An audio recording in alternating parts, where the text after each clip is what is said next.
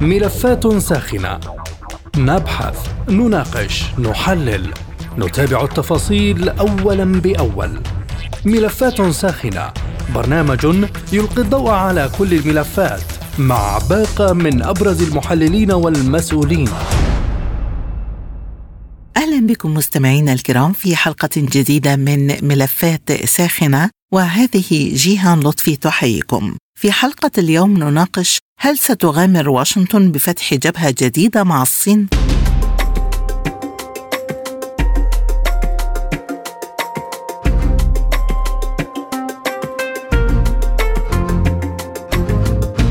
قال وزير الخارجية الروسي سيرجي لافروف ووزير الخارجية الصيني الجديد تشين جانج إنهما يرفضان السياسة الأمريكية المتمثلة في إثارة المواجهة مع الصين وروسيا وأشار بيان الخارجية الروسية الاثنين إلى أن حديث الوزيرين انتهى إلى رفض التدخل في الشؤون الداخلية ورفض محاولات الغرب لكبح جماح تنمية البلدين من خلال فرض العقوبات وغيرها من الأساليب غير المشروعة كما تم التأكيد على وحدة مقاربات موسكو وبكين تجاه المشاكل الأساسية للتنمية العالمية. ويقول مراقبون إن واشنطن تعكف حاليا على تصميم مواجهة تستدرج إليها الصين وأفادت وكالة بلومبرج بأنه إذا بدأت الحرب بين الولايات المتحدة والصين لن تكون مجرد معركة من أجل تايوان أو أي بقعة ساخنة أخرى بل ستكون معركة من أجل الهيمنة في المنطقة الأكثر أهمية وعلى كل النفوذ العالمي لاحقاً.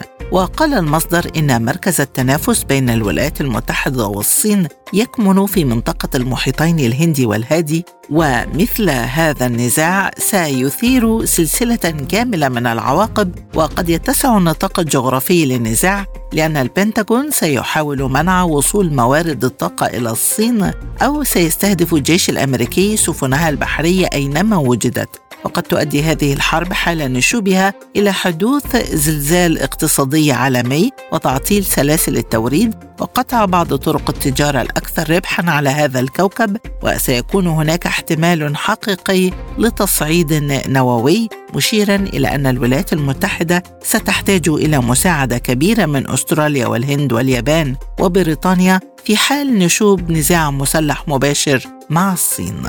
فهل تغامر واشنطن بفتح جبهة جديدة مع الصين؟ ولماذا أجرت الصين مناورات قتالية في مضيق تايوان؟ ما دلالة التصعيد في تصريحات المسؤولين الأمريكيين؟ وهل سيضحي الطرفين بالمصالح الاقتصادية المشتركة؟ حول هذه المحاور وغيرها تدور نقاشاتنا في ملف اليوم من ملفات ساخنة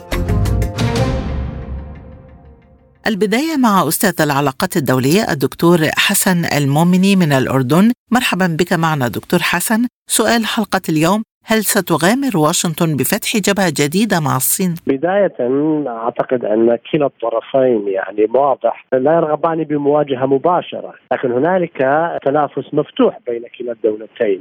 تنافس مفتوح سواء كان في السياق السياسي أم في السياق السياسي وهنالك في أيضا جوانب وخطوات نسميها عرض القوة، كلنا يعلم بأن هنالك حالة تنافسية بين الصين والولايات المتحدة الأمريكية وبنفس الوقت هنالك محاولات دبلوماسية لإدارة هذه الحالة التنافسية التي قد تتطور إلى صراع، شفنا في كثير من التصريحات سواء كانت من القاده الصينيين أو الأمريكان بأنهم يرغبان بتحويل هذا الأمر إلى صراع، يرغبان بإدارة الحالة التنافسية لكن قطعا هنا نتحدث عالميا عن عن نزعة تغييرية تحصل في العالم هنالك تحولات في موازين القوى وبالتالي هذه الحالة غالبا بتكون فيها عدم الوضوح بدرجة كبيرة بهذا الجانب. هنالك منذ زيارة بليوسي إلى تايوان مثلا توترت العلاقة بشكل كبير جدا وكان هنالك عرض القوه ومناورات وكل هذه الأمور. وقبل أيام كان في هنالك مثلا كاد أن يكون هنالك تصادم بين طائرتين. وبالتالي قد تحدث حوادث لكن واضح أن هنالك هنالك رغبة لدى الطرفين وبالتالي كان في هنالك اجتماع القمة اللي عقد ما بين بايدن وما بين الرئيس الصيني وباتفقوا على اتخاذ خطوات حقيقة وتشكيل لجان وبالتالي التواصل من أجل إلى حد ما احتواء هذه الحالة التنافسية. لكن بتقدير الشخصي العلاقة تدار في سياقين سياق تنافسي في الموضوع التجاري الاقتصادي وبنفس الوقت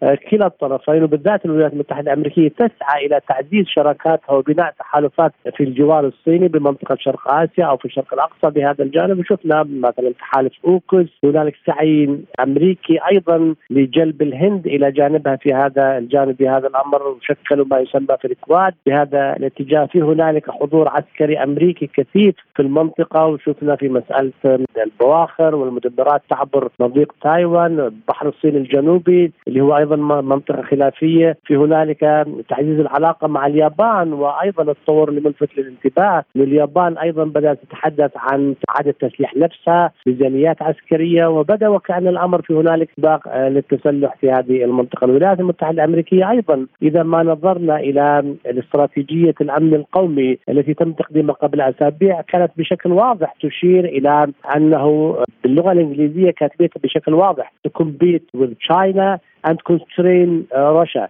بمعنى التنافس مع مع الصين وضبط روسيا بهذا الجانب بهذا الاتجاه. طبيعي بنفس الوقت الصين بتقدير الشخصي يعني يمكن عندها حالة وعي أكثر لنفسها لقدراتها طموحاتها.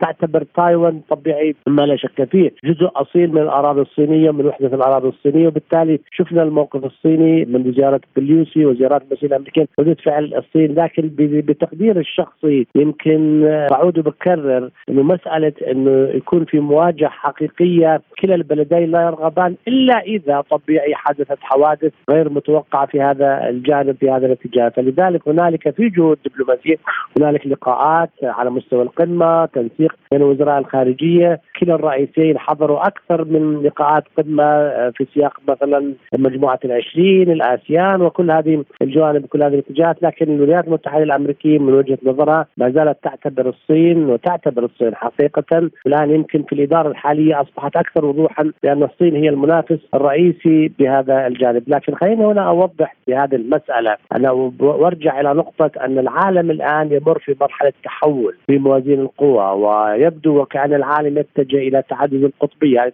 طبيعي تعتمد على حالة التنافس وقد تطور الحال صراع بين القوى الصاعده، القوى نتحدث عن عن الصين، نتحدث عن روسيا كقوة عالمية، نتحدث عن الولايات المتحدة الأمريكية، الاتحاد الأوروبي، قوى أخرى زي اليابان قوى متوسطة أو إقليمية تركيا إيران سعودية حقيقة كقوة صاعدة أيضا هذا كله يمكن على المدى القصير يعني لا أتوقع بأنه على المدى القصير يتم تشكل نظام دولي بهذا المعنى لكن بتقدير الشخصي ما ما يحصل الآن من إرهاصات من تفاعلات من درجة تنافس في نهايه المطاف سوف تضفي أو سوف تنتج شكل من أشكال النظام الدولي المتعدد لكن ليس على المدى القصير. اذا برأيك دكتور؟ هل المناورات القتالية التي تجريها الصين حاليا في مضيق تايوان استعداد حقيقي للمواجهة؟ أم مجرد رسالة لواشنطن؟ وإذا كانت رسالة فما فحوى هذه الرسالة؟ لا هي أنا بالنسبة إلي سواء كانت بالنسبة للصين أو الولايات المتحدة الأمريكية هي مسألة عرض قوة.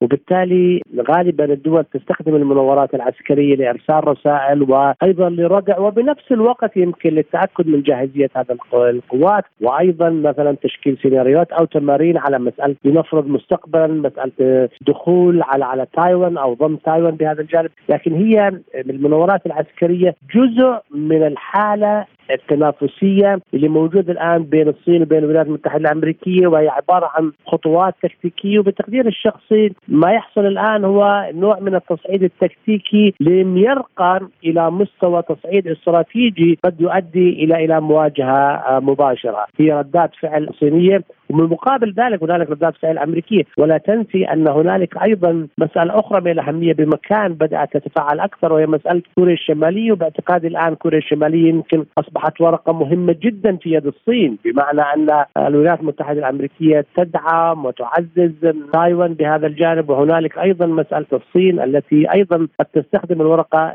كوريا الشمالية في التلويح فيها. لأنه أيضا كوريا الشمالية تقريبا يعني بشكل متكرر هنالك أطلاق للصواريخ هنالك نوع من المناورات ذلك المسيرات بهذا الجانب. فلذلك هذا الجزء كله يعبر عن حالة التوتر اللي موجودة في المنطقة وبالمناسبة يتم اتخاذ خطوات منها ما هي عسكرية منها ما هي دبلوماسية منها ما هي سياسية بهذا المعنى وبهذا الاتجاه. مقابل ذلك يعني هنالك أيضا تواصل وحرص على التواصل الدبلوماسي. يعني العلاقة الصينية الأمريكية تتسم ما بين المنافسة تارة وما بين التعاون الدبلوماسي. ولا ننسى انه في السياق الاقتصادي الاقتصاد الصيني مندمج في الاقتصاد الغربي وهنالك نوع من الاعتمادية المتبادلة بالرغم من أنه منذ سنوات تحاول الولايات المتحدة الأمريكية والغرب تدريجيا الانفكاك من هذه الحالة الاعتمادية التي نتجت نتيجة لعقود اندماج الاقتصاد الصيني في الاقتصاد العالمي خاصة في الموضوع الغربي. فبالتالي المناورات العسكرية لكن هذا لا يعني أن ممكن أنه تحصل حوادث معينة أو تحصل استفزازات. مثلا ممكن يتطور الموقف الأمريكي باتجاه تايوان. وأعتقد أن الصين كانت واضحة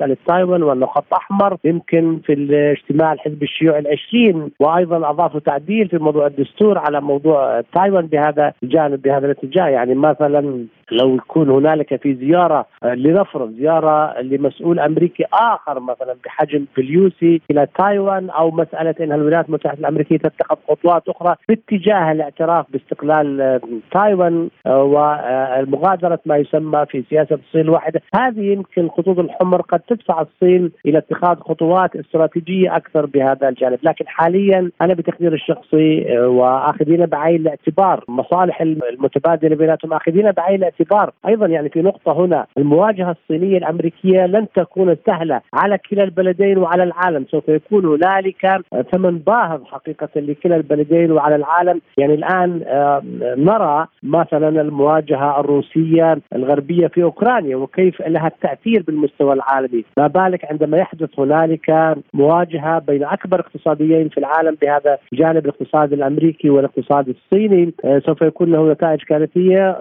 لكن قطعا هنالك نوع من التوتر التنافس. يعني إذا بدنا نأخذ في السياق العسكري الان الصين طبيعي حريصة على آه، تطوير نفسها وخاصة في المجالات العسكرية. يعني الآن نتحدث عن الصين بميزانية عسكرية أكثر من تقريبا حوالي 300 مليار. نتحدث عن ميزانية عسكرية أمريكية حوالي 850 مليار. الولايات المتحدة الأمريكية بشكل واضح بشكل واضح في استراتيجيتها تعتبر أن الصين منافس وخطر محتمل عليها وعلى الغرب بهذا الجانب. لذلك تحاول ساعة يعني جاهدة احتواء هذا الصعود الصيني وتحاول جاهدة الا يكون هنالك سياق تحالف استراتيجي مثلا بين الصين وبين كثير من الدول خاصة مثلا آه، الصين وروسيا والهند وبعض الدول الإقليمية مثل إيران وغيرها. ولكن دكتور بميزان القوى العسكرية لمن الغلبه في حال نشوب الصراع؟ واشنطن لديها 750 قاعدة عسكرية حول العالم وحضرتك تحدثت عن تعزيز الحضور العسكري الأمريكي بالقرب من الصين، لكن واشنطن أيضا في نفس الوقت غير الفارقة مع الناتو في تداعيات أزمة أوكرانيا. إذا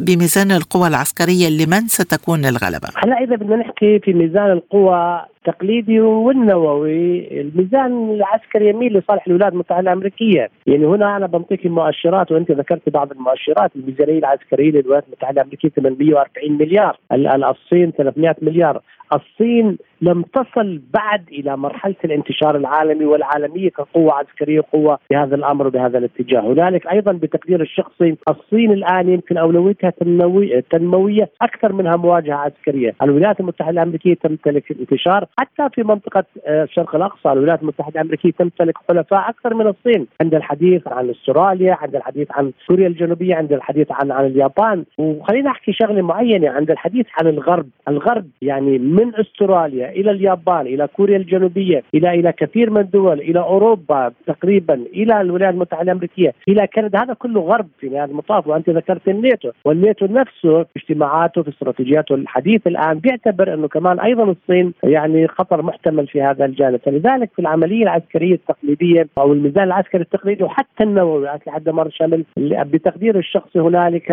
الأفضلية للولايات المتحدة الامريكيه في هذا الجانب. يعني الصين نتحدث عن قوة الخصبه ميزانيتها العسكرية 300 مليار الآن. إلا إذا طبيعي استطاعت الصين في السنوات القادمة أن تختصر هذا الفارق وبالتالي أن يكون هنالك تطور. لكن أنت تعلم الآن أيضا الصين تواجه مشاكل مسألة كوفيد 19 مشاكل أخرى تتعلق بالاقتصاد الصيني. ولا تنسي أن هنالك زي ما أشرت في البداية هنالك حالة من التداخل الاقتصادي الصيني الغربي في هذا الجانب. ويمكن واحدة من الأسباب اللي الصين غير مستعجلة أيضا على المواجهه يمكن خوفا من عقوبات أيضا اقتصادية قد يفرضها الغرب على الصين وبالتالي تؤخر مسألة التنمية الصينية بهذا الجانب. أخيرا دكتور حسن التقارب الروسي الصيني تم تأكيده قبل أسابيع، إلى أي مدى يمكن أن تتدخل روسيا عسكريا حال نشوب مواجهة مسلحة بين بكين وواشنطن؟ وهل التقارب الروسي الصيني كافي لردع واشنطن عن القيام بمغامرة عسكرية جديدة؟ يعني مما لا شك فيه هنالك تقارب روسي صيني لكن لن يرقى إلى درجة التحالف، بمعنى التحالف أن يكون هنالك التزام من كلا الطرفين بأنه إذا ما تم تعرض أحد الأطراف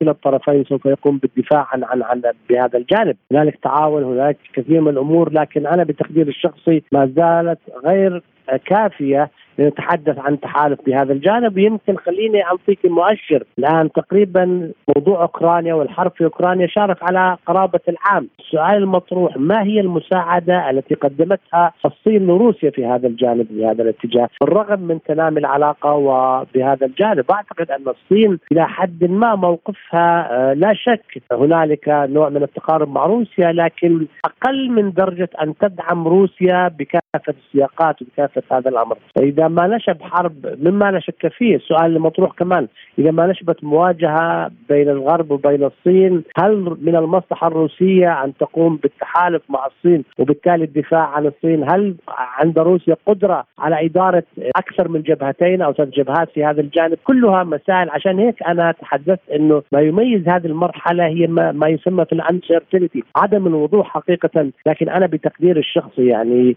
الصينيين براغماتيين جدا بهذا المعنى وأعتقد أنهم في المواجهة الحالية ما بين روسيا ما بين الغرب يمكن الصين تحاول أن توازن تحاول أن تستفيد من هذه المواجهة آه، سياسيا ودبلوماسيا تبدو وكأنها متعاطفة أو داعمة لروسيا لكن لم تذهب الميل الزيادة في سياق الإعلان العلني بدعم روسيا عسكريا اقتصاديا هذا الأمر ويمكن أنا بتقدير الشخصي المواجهة الروسية الغربية في أوكرانيا هي امتحان حقيقي لدرجة ومتانة مثلا وتوجهات هذه الشراكة الصينية الروسية المتناميه. من الأردن الدكتور حسن المؤمني أستاذ العلاقات الدولية كنت معنا شكرا جزيلا على هذه الإضاءة. لكن كيف تقيم بكين تصعيد اللهجة الأمريكية وهل سنشهد حربا باردة جديدة بين بكين وواشنطن؟ حول هذا الجانب تنضم إلينا أستاذة العلوم السياسية الباحثة في الشأن الصيني الدكتورة نادية حلمي. أهلا بك دكتورة نادية ضيفة عزيزة عبر أثير سبوتنيك. بداية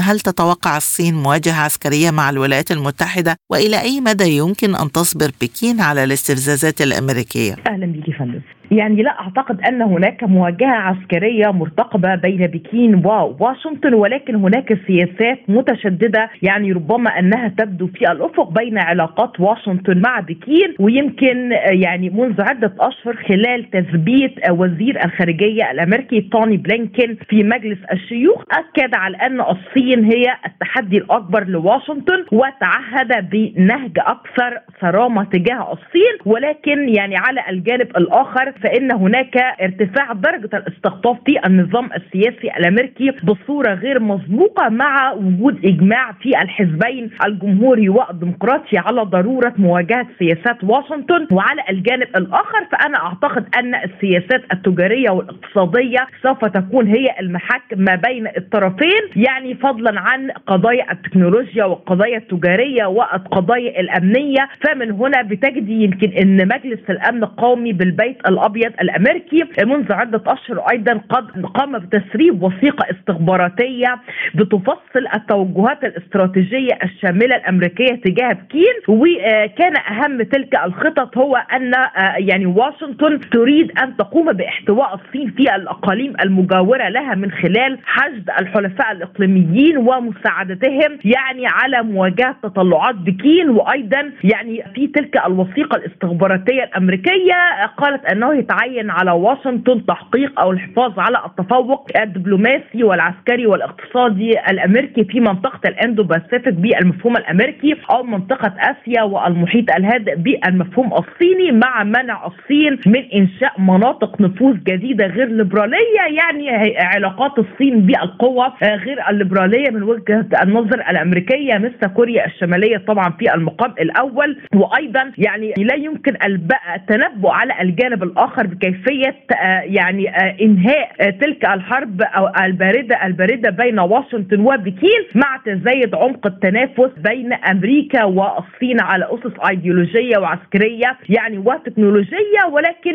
يعني لا أعتقد أننا بصدد حرب باردة جديدة شبيهة بالحرب السوفيتية الأمريكية لأن اقتصاد الدولتين الصينية والأمريكية مترابطين يعني بصورة شديدة جدا وفق بيانات مكتب الإحصاء الأمريكي اللي هي بتشير إلى ترابط اقتصاد البلدين بصورة لا يمكن لأحدهما الاستغناء على الجانب الآخر ولكن أمريكا بتضغط على الجانب الآخر في أن تحافظ على مكانتها كأكبر قوة عسكرية واقتصادية في العالم. ومن هنا بتجدي يعني أن الضغط الأمريكي على الصين في المناطق التي تتنازع معها النفوذ اقتصاديا وعسكريا ولكن لا يمكن تجنب المواجهة بين الدولتين في مجال التجارة الدولية. والوصول للموارد الطبيعية خاصة يعني في إفريقيا والتنافس على مستقبل التكنولوجيا بالإضافة للتنافس الجيو استراتيجي خاصة في منطقة جنوب شرق آسيا اللي هي الهند واليابان وكوريا الجنوبية والمنطقة المحيطة في منطقة الإندو باسيفيك. اذا دكتورة ما دلالات تصعيد تصريحات المسؤولين الأمريكيين وقيام بكين أيضا بمناورات قتالية في مضيق تايوان؟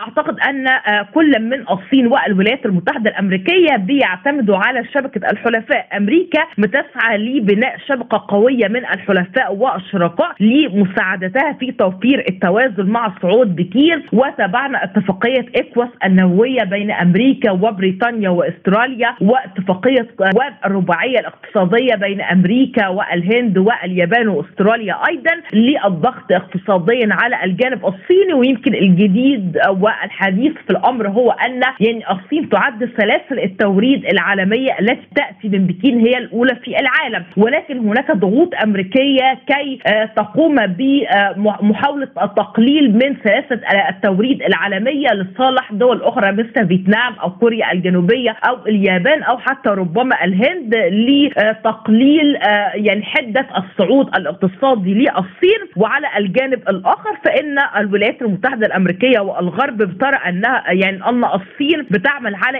اعادة تشكيل النظام العالمي. باسلوب من شأنه إلحاق الضرر بالمصالح الحيوية للقوى الغربية مما يعزز من نموذج الدولة المستبدة ويضر بالديمقراطيات ودورها في العالم. ولكن يعني أنا وجهة نظري حتى أن تلك الكتلة الأوروبية سواء من حيث ثقلها البشري والعسكري والسياسي وباعتبار أنها الحليف الذي يتقاسم نفس القيم مع الولايات المتحدة الأمريكية ولكن الصين نجحت في بناء تكتل آخر اكتسبت فيه روسيا وإيران آه، على المستوى العسكري ويعني حولت بحر الصين الجنوبي لساحة مواجهه حقيقية بين واشنطن وبكين. وعلى الجانب الآخر يعني فإن هناك تحالفات صينية آه، في منطقة آه، جزر سليمان وهي وهي في منطقة جنوب أو غرب المحيط الهادئ. ومحاولة الصين السيطرة على تلك الجزر في غرب وجنوب المحيط الهادئ لتطويق الولايات المتحدة الأمريكية وحليفتها الأسترالية يعني في تلك المنطقة وأمريكا نجحت بالفعل في تقسيم العالم لتكنولوجيا استبدادية واللي هي كل من يتبع يعني الصين وشركة هواوي الصينية العملاقة وشبكات الجيل الخامس والتكنولوجيا الرقمية الديمقراطية. وحتى إن واشنطن وهو الأمر يعني الفكاهي قامت حتى بتقسيم البحريات اللي هي الدول التي تطل على البحار والمحيطات بالبحريات الاستبدادية. وتلك الديمقراطية فمن هنا أنا أعتقد أن هناك رسم لملامح نظام عالمي يقوم على منافسة آه، يعني منهجية بين القوى الغربية الحليفة لواشنطن وجمهورية الصين. أخيرا وبالحديث عن التحالفات كما تفضلتي في ضوء التقارب الروسي الصيني المراقبون يتحدثون عن أن واشنطن تعكف على تصميم فخ استراتيجي لاستدراج الصين وروسيا، ما هي إمكانية سيناريو مواجهة أمريكية متزامنة مع الصين وروسيا؟ آه، يعني أنا لا أعتقد أن هناك مواجهة عسكرية قد تكون مرتقبة بين الصين وروسيا مع الجانب الأمريكي ولكن يعني ما هو موجود والواقعي في الأفق هو تكثيف بكين للتدريبات العسكرية حول تايوان والمناورات العسكرية الصينية الروسية المشتركة في بحر اليابان. ومن هنا فإن الرسالة الواضحة التي يريد كل من الجانبين الصيني والروسي إيصالها لواشنطن هو أن الجيشين الصيني والروسي يدعمان مطالب الصين بالسيطره على الجزيرة التايوانية وهناك تحدي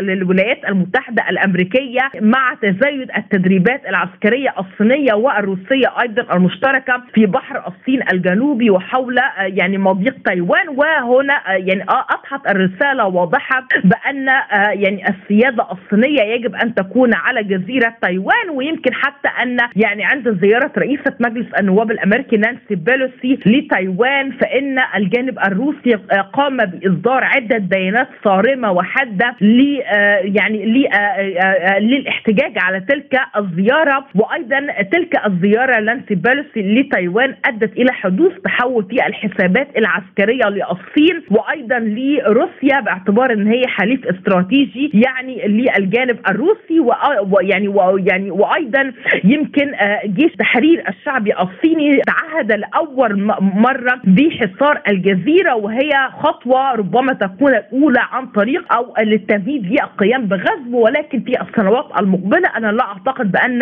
يعني ربما في المجال أو الأفق القريب سوف يكون هناك غزو مرتقب للجزيرة يعني التايوانية. وأيضا بتجدي أن هناك تعاون حتى مشترك في مجال تسيير الدوريات المكثفة حول تايوان بالتعاون مع الجانب الصيني والجانب الروسي. وأيضا هناك تعاون صيني روسي مشترك في منطقة المحيط الهندي والمحيط الهادئ وميناء جوادر الباكستاني. وهناك اقاويل بأن الصين قد نجحت في إنشاء قاعدة عسكرية ضخمة يعني بالقرب من ميناء جوادر الباكستاني بالإضافة للتعاون الصيني الروسي بالطبع يعني في الموانئ يعني الإيرانية يعني لمحاولة إيجاد موطئ قدم ونفوذ في منطقة المحيط الهادئ والتي تطل على الخليج العربي وبحر العرب. فمن هنا يعني بتجدي أن التدريبات العسكرية الصينية المشتركة بالفعل قد غيرت الوضع القائم بمضيق تايوان وهو ما أصبح يخيف الأمريكان والبيت الأبيض ويعني هناك